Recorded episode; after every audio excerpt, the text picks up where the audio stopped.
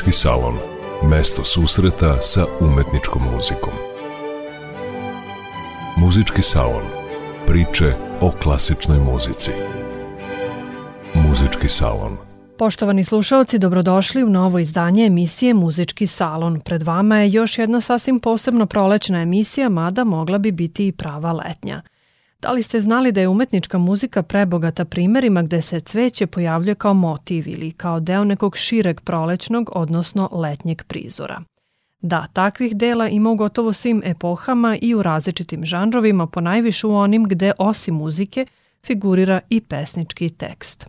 Međutim, osim solo pesama, horskih kompozicija ili arija u operama – Cvetni motivi se pojavljuju u instrumentalnoj muzici, a neizbežni su i u baletskim partiturama, naročito kada se tematika dela zasniva na bajkama ili narodnim pričama. U narednih pola sata čućete samo mali deo repertoara umetničke muzike u kojem se raznovrsne mirisne biljke koriste kao simbol ljubavi. Birala sam vokalna dela Mozarta, Schuberta, Schumana, Rahmanjinova, Forea, Deliba i Pučinija – čime obuhvatamo period klasicizma i romantizma, kao i žanrove solo pesme i opere. Prva kompozicija koju ćemo slušati potiče iz italijanske operske literature poznog romantizma. Reč je o duetu mlade Japanke Ćoćo San i njene družbenice Suzuki iz Pučinijeve opere Madame Butterfly. Napomenimo da je u to vreme, krajem 19. i početkom 20. veka, japanizam bila veoma popularna tema u umetnosti – a posebno je uticala na likovno stvaralaštvo posredstvom japanskih grafika. Teme iz dalekih, egzotičnih krajeva nisu zaobišle ni klasičnu muziku, pa se u simfonijskoj, baletskoj i operskoj literaturi tog doba nalaze dela poput spomenute Pučinijeve opere. Motiv trešnjenog cveta, toliko tipičan za zemlju izlazećeg sunca, javlja se u duetu Squoti quella fronda di Ciliegio kao simbol ljubavi koju Ćoćo San osjeća prema američkom oficiru Pinkertonu. Iako bezdušno ostavljena sama sa detetom, nesrećna i osramoćena Ćoćo San i dalje sanja njegov povratak. Zato želi svoju baštu da ukrasi najlepšim cvetovima trešnjenog drveta kada na pučini ugleda američki ratni brod. Duet izvode Renata Tebaldi i Fiorenza Kosoto.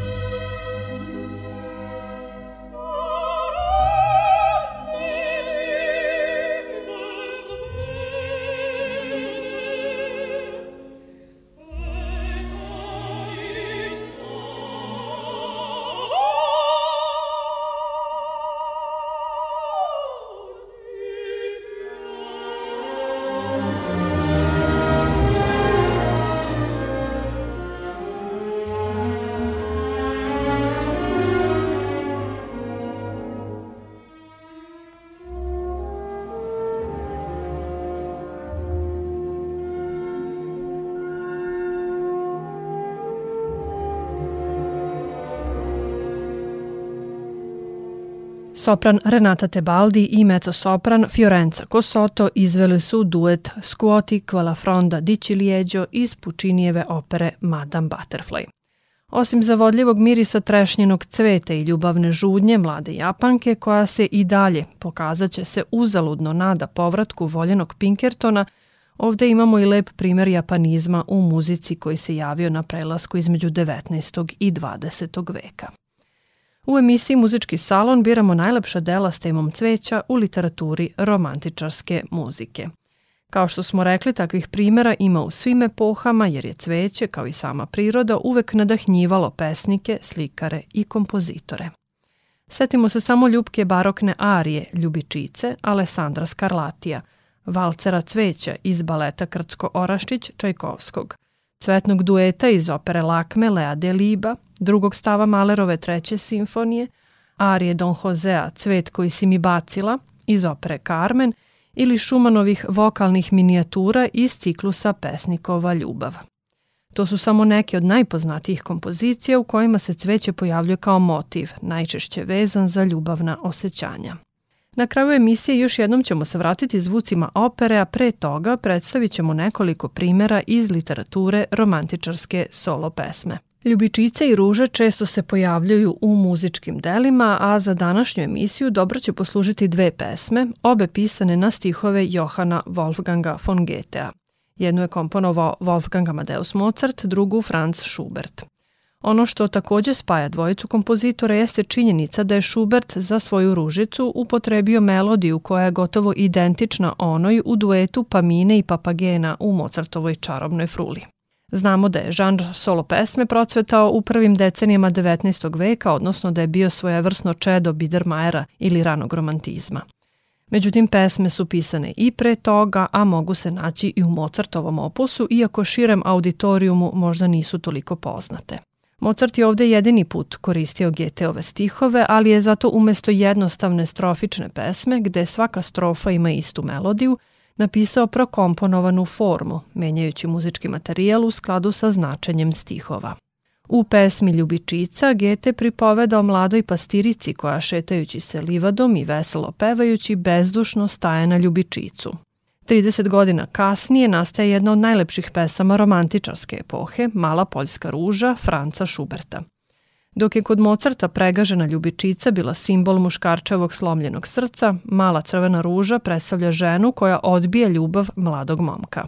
Goethe je napisao te stihove 1771. godine tokom studija prava u Strasburu kada je imao kratku ljubavnu vezu sa Frederike Brion. Tamo je počeo i da proučava tekstove narodne poezije pod uticajem Herdera, koji je ukazivao na njihovu jednostavnu lepotu i svežinu. Geteovi stihovi potom su naveli nekoliko kompozitora da napišu muziku, a među njima su Robert Schumann i Johannes Brahms, također značajni predstavnici nemačke romantičarske solo pesme. Za razliku od Mozarta, Schubert piše jednostavnu strofičnu formu, a stil narodne pesme, kako ističu muzikolozi, on ne imitira, već sam stvara. Mozartovu pesmu Das Weilchen izvodi sopran Barbara Boni, a Schubertovu minijaturu Haydn Röslein peva tenor Peter Schreier. Oba puta za klavirom je Jeffrey Parsons.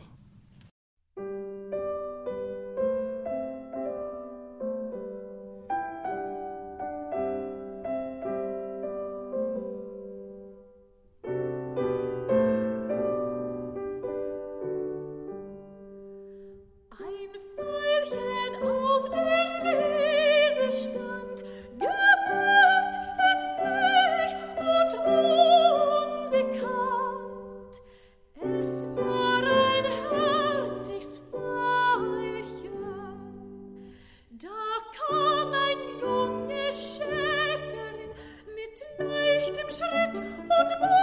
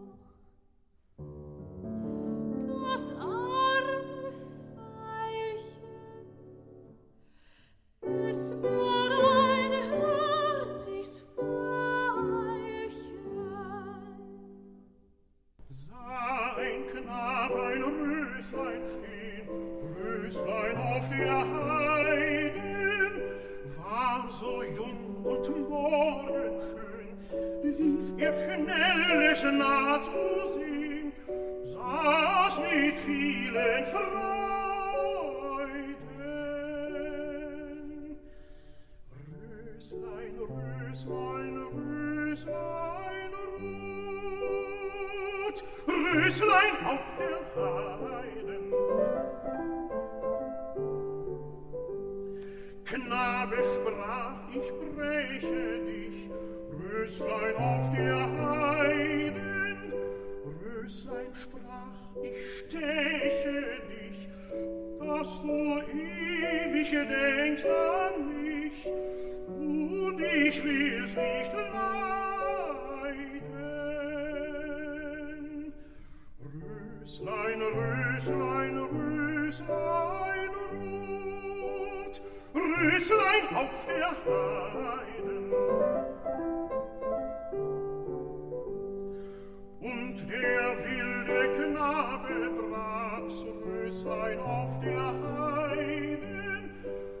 Röslein wehrte sich und stach, half ihm doch kein Weh und Ach, mußt es eben leiden.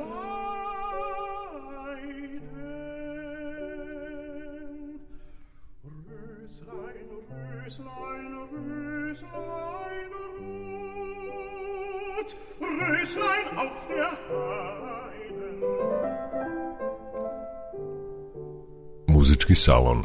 Mesto susreta sa umetničkom muzikom. Sopran Barbara Boni izvela je Mozartovu pesmu Ljubičica, a tenor Peter Schreier Schubertovu Malu poljsku ružu. Pratio ih je pijanista Jeffrey Parsons. Obe kompozicije napisane su na Geteove stihove. U emisiji Muzički salon predstavljamo najpoznatije primere u kojima se cveće ili pak određeni cvet pojavljuje kao simbol ljubavi. Od odabranih dela jedino Mozartova pesma potiče iz epohe klasicizma, ostale pripadaju romantičarskom stilu. Solo pesme u umetničkoj muzici pisane su ili kao pojedinačne ili u okvirima ciklusa. U drugom slučaju kompozitori su najčešće želeli da se sve pesme izvode integralno jer ih spaja određena tema, mada je moguće da na koncertnom podijumu čujete i samo nekoliko njih. U romantizmu često se provlači tema nesrećne ljubavi, ali i prirode kao pesnikovog prijatelja. Neretko se prirodne pojave koriste kao metafore za duševna stanja lirskog subjekta, što je poznavala još i barokna opera, a mogu se pročitati i direktna obraćanja pesnika, povetarcu, pticama, nebu, zvezdama ili potoku. Osim Schubertove Lepe mlinarice i zimskog putovanja, među najznačajnije cikluse solo pesama romantičarske epohe, ali i celokupne muzičke literature, spada i pesnikova ljubav Roberta Schumana. Stihovi potiču iz lirskog intermeca Heinricha Heinea. Iako ciklus najčešće izvode muški glasovi, Schumann ga je posvetio čuvenom nemačkom sopranu Wilhelmini Schroeder-Devrindt. Iz tog ciklusa izdvojila sam tri pesme u kojima je upravo cveće glavni pesnički motiv. Und wüstens die Blumen, die kleinen, aus meinen Tränen sprissen i die Rose, die Lilie, die Taube, die Sonne. Prevod prve pesme glasi Kad bi cveće samo znalo koliko je duboko moje srce ranjeno, plakalo bi sa mnom da izleči moju patnju, a slavuji bi pevali da me razvesele, pa i zvezdice bi padale sa neba da me uteše, ali one ne mogu znati jer samo jedna zna i ona je ta koja mi je slomila srce. Ovde vidimo tipično romantičarsko obraćanje pesnika prirodi kao prijatelju kojem možete poveriti svoja najdublja osjećanja. Prevod druge pesme je sledeći. Iz mojih suza izviraće mnogo rastvetalog cveća i moji uzdasi postaće hor slavuja. I ako me voliš, dete, daću ti to cveće, pa će se na tvom prozoru začuti slavujeva pesma. U trećoj pesmi Šumanovog ciklusa pesnik veselo pripoveda kako su ruža, ljiljan, golub i sunce ranije bili predmet njegovog ushićenja, ali da on sada voli samo najbolju, najčistiju, najdražu, onu jedinu. Ta atmosfera prenosi se u muziku koja je razdragano karaktera i bržeg tempa, a sve ukupnoj veselosti doprinosi i prepoznatljivi ritam koji sadrži osminu i dve šestnestine. Taman da verno isprati glavne reči. Di roze, di lilije, di taube, di zone, di klajne, di fajne, di rajne i di ajne. Šumanove pesme slušamo u tumačenju tenora Petera Šrajera i pijaniste Helmuta Dojča. Aus meinen Tränen sprießen viel blühende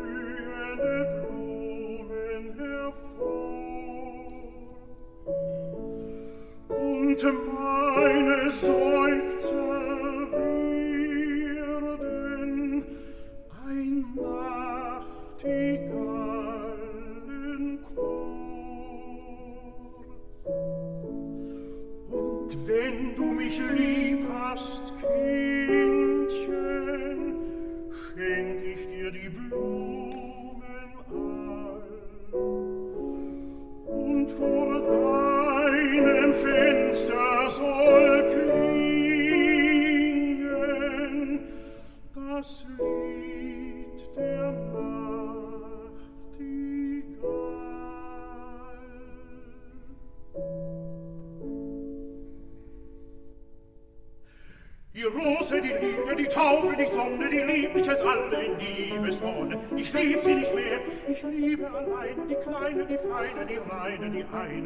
selber aller Liebe wonne. Ist Rose und Lilie und Taube und Sonne.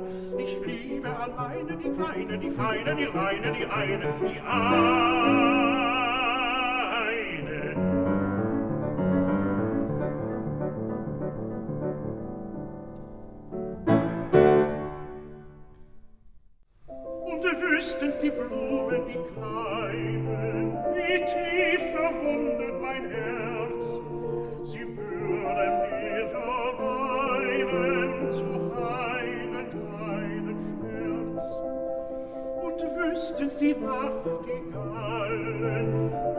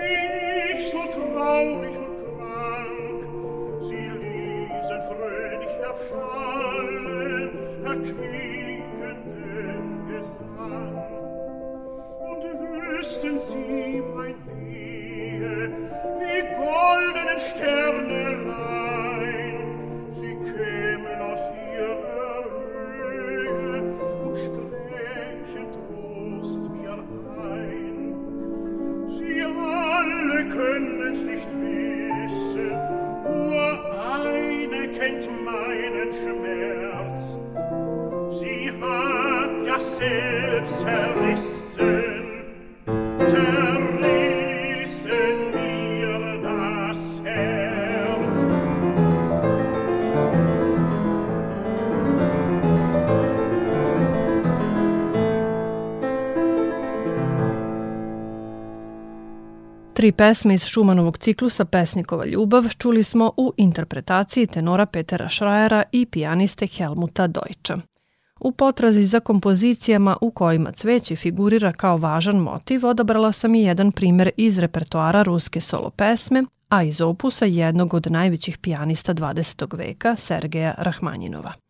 Iako poznat pre svega po delima za klavir, ruski kompozitor je napisao i neke od najlepših pesama u muzičkoj literaturi. U jednoj od tih pojavljuju se jorgovani kao motiv. I ne samo jorgovani, nego i druge slike iz prirode. Stihove je napisala Ekaterina Andrejevna Krasnova, a u prevodu glase Ujutru, u zoru, kroz rosnu travu hodaću, udišući svežinu jutra i do mirisne hladovine gde se skupljaju jorgovani idem u potragu za svojom srećom. U životu postoji samo jedna sreća za koju mi je suđeno da je nađem i ta sreća živi u jorgovanima na njihovim zelenim granama, u njihovim mirisnim grozdovima. Obratite pažnju kako Rahmanjinov slikovito dočarava atmosferu stihova. Imate utisak kao da muzika slika svežinu rosne zore, a vi ste svedok devojčinog koračanja po livadi. Pesmu Jorgovani Rahmanjinov je napisao 1902. godine, postoji i u obradi za klavir, a mi ćemo čuti kako je izvodi sopran Aida Garifulina uz Simfonijski orkestar Austrijskog radija.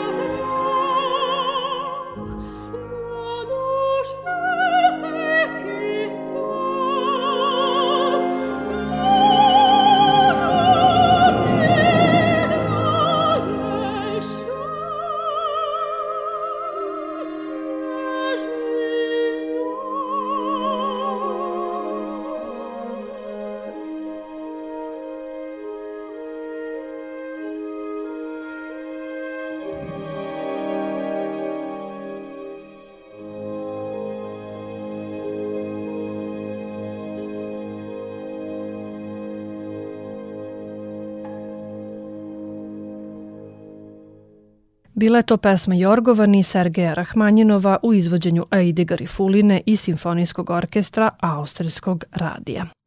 Iz ruskog prelazimo sada na francuski romantizam i slušamo kako je Gabriel Fauré, majstor francuske melodije, muzički uobličio stihove Le Conte de Lila u pesmi Isfahanske ruže. Ljubavna žudnja slikovito se dočarava pomoću opojnih mirisa ruže, naranđinog drveta, lakog povetarca i pesme ptica – Naime, ništa nije lepše od lejlinih usana boje korala ili lako poput njenog slatkog daha i poljubaca, niti umilno kao njen zvonki glas, pa čak ni neodoljivi mirisi i zvuci iz prirode. Pesnik na posledku zaključuje Ah, neka tvoja neiskusna ljubav, taj vazdušasti leptir, poleti brzo i nežno k mom srcu još jednom, da ponovo osetim miris naranđenog cveta i isfahanskih ruža u svojim mahovinastim koricama. Recimo još i to da je Isfahan grad u Iranu, da je poznat po persijsko-islamskoj arhitekturi, pokrivenim mostovima, velikim bulevarima, palatama i džamijama. Isfahanska ruža je vrsta damask ruže, roze boje, ima jak i sladak miris, najčešće se pojavljuje u grozdovima, cveta samo jedan put godišnje, a u Evropu je stigla u 13. veku sa Srednjeg istoka zahvaljujući krstaškim pohodima. Pesmu Isfahanske ruže Gabriela Forea izvodi sopran Felicity Lott i pijanista Graham Johnson.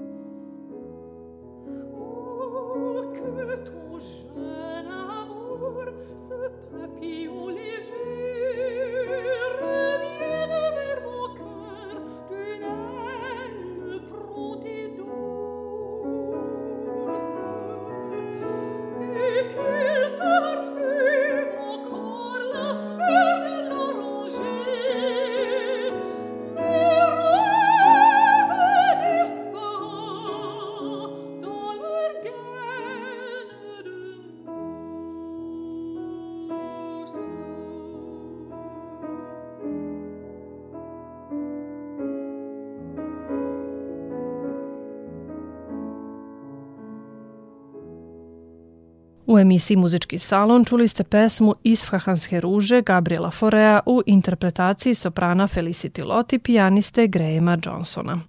U današnjem izdanju Muzičkog salona slušamo najlepša dela u kojima se cveće pojavljuje kao simbol ljubavi. A nadovezujući se na Foreavu pesmu, ali i duet iz Pučinijeve Madame Butterfly s početka emisije, druženje uz umetničku muziku zaokružit ćemo još jednim lepim primjerom orientalizma – slušamo čuveni cvetni duet iz opere Lakme francuskog romantičara Lea Deliba, čija se radnja odvija u Indiji u doba britanske kolonijalne vladavine. U posljednjim decenijama 19. veka nastalo je nekoliko muzičko-scenskih ostvarenja sa egzotičnom tematikom. Recimo, u operi Lovci na bisere Žorža Bizea radnja je smeštena u davna vremena na Šrilanci, gde su se dvojica ribara, zakleti na večno prijateljstvo, zaljubili u istu ženu. U opusu Žilama Snea nalazi se opera Kralj Lahora, glavnog grada pakistanske provincije Panđab. Ni Verdi nije odoleo egzotičnim temama, pa u monumentalnoj operi Aida radnju smešta u drevni Egipat u doba vladavine faraona. Operu Turandot Punčini smešta u Kinu u davna vremena. A u Delibovom delu dolazi do kobnog susreta istoka i zapada, slično nesrećnoj ljubavi mlade Japanke u operi Madame Butterfly. Čerka bramanskog sveštenika Lakme odlazi sa svojom sluškinjom Malikom da bere cveće. Prilaze obali reke, pa Lakme ostavlja svoj dragoceni nakit na klupi. Dva britanska oficira sa devojkama i njihovim guvernantama dolaze na piknik. Kada devojke ugledaju nakit, bivaju impresionirane, te mole svoju pratnju da načine crtež. Jedan od njih, Gerald, nudi se da nacrta nakit i tada ugleda lakme. Ubrzo se među njima razvijaju ljubavna osjećanja što će na posljedku dovesti do tragičnog kraja. Gusti svodovi jasmina, ruža i plavi lotosov cvet, pesma ptica, žamor reke i sveže prolećno jutro. O tome pevaju lakme i malika dok se šetaju obalom i beru mirisno cveće. Cvetni duet iz opere Lakme Lea Deliba slušamo u tumačenju Nicole Cabell i Alison Cambridge. Prati ih simfonijski orkestar Lake Foresta pod upravom Vladimira Kulenovića. Vama poštovani slušalci, hvala što ste i večeras bili uz Radio Novi Sad i emisiju Muzički salon. Prijetno veče i do slušanja.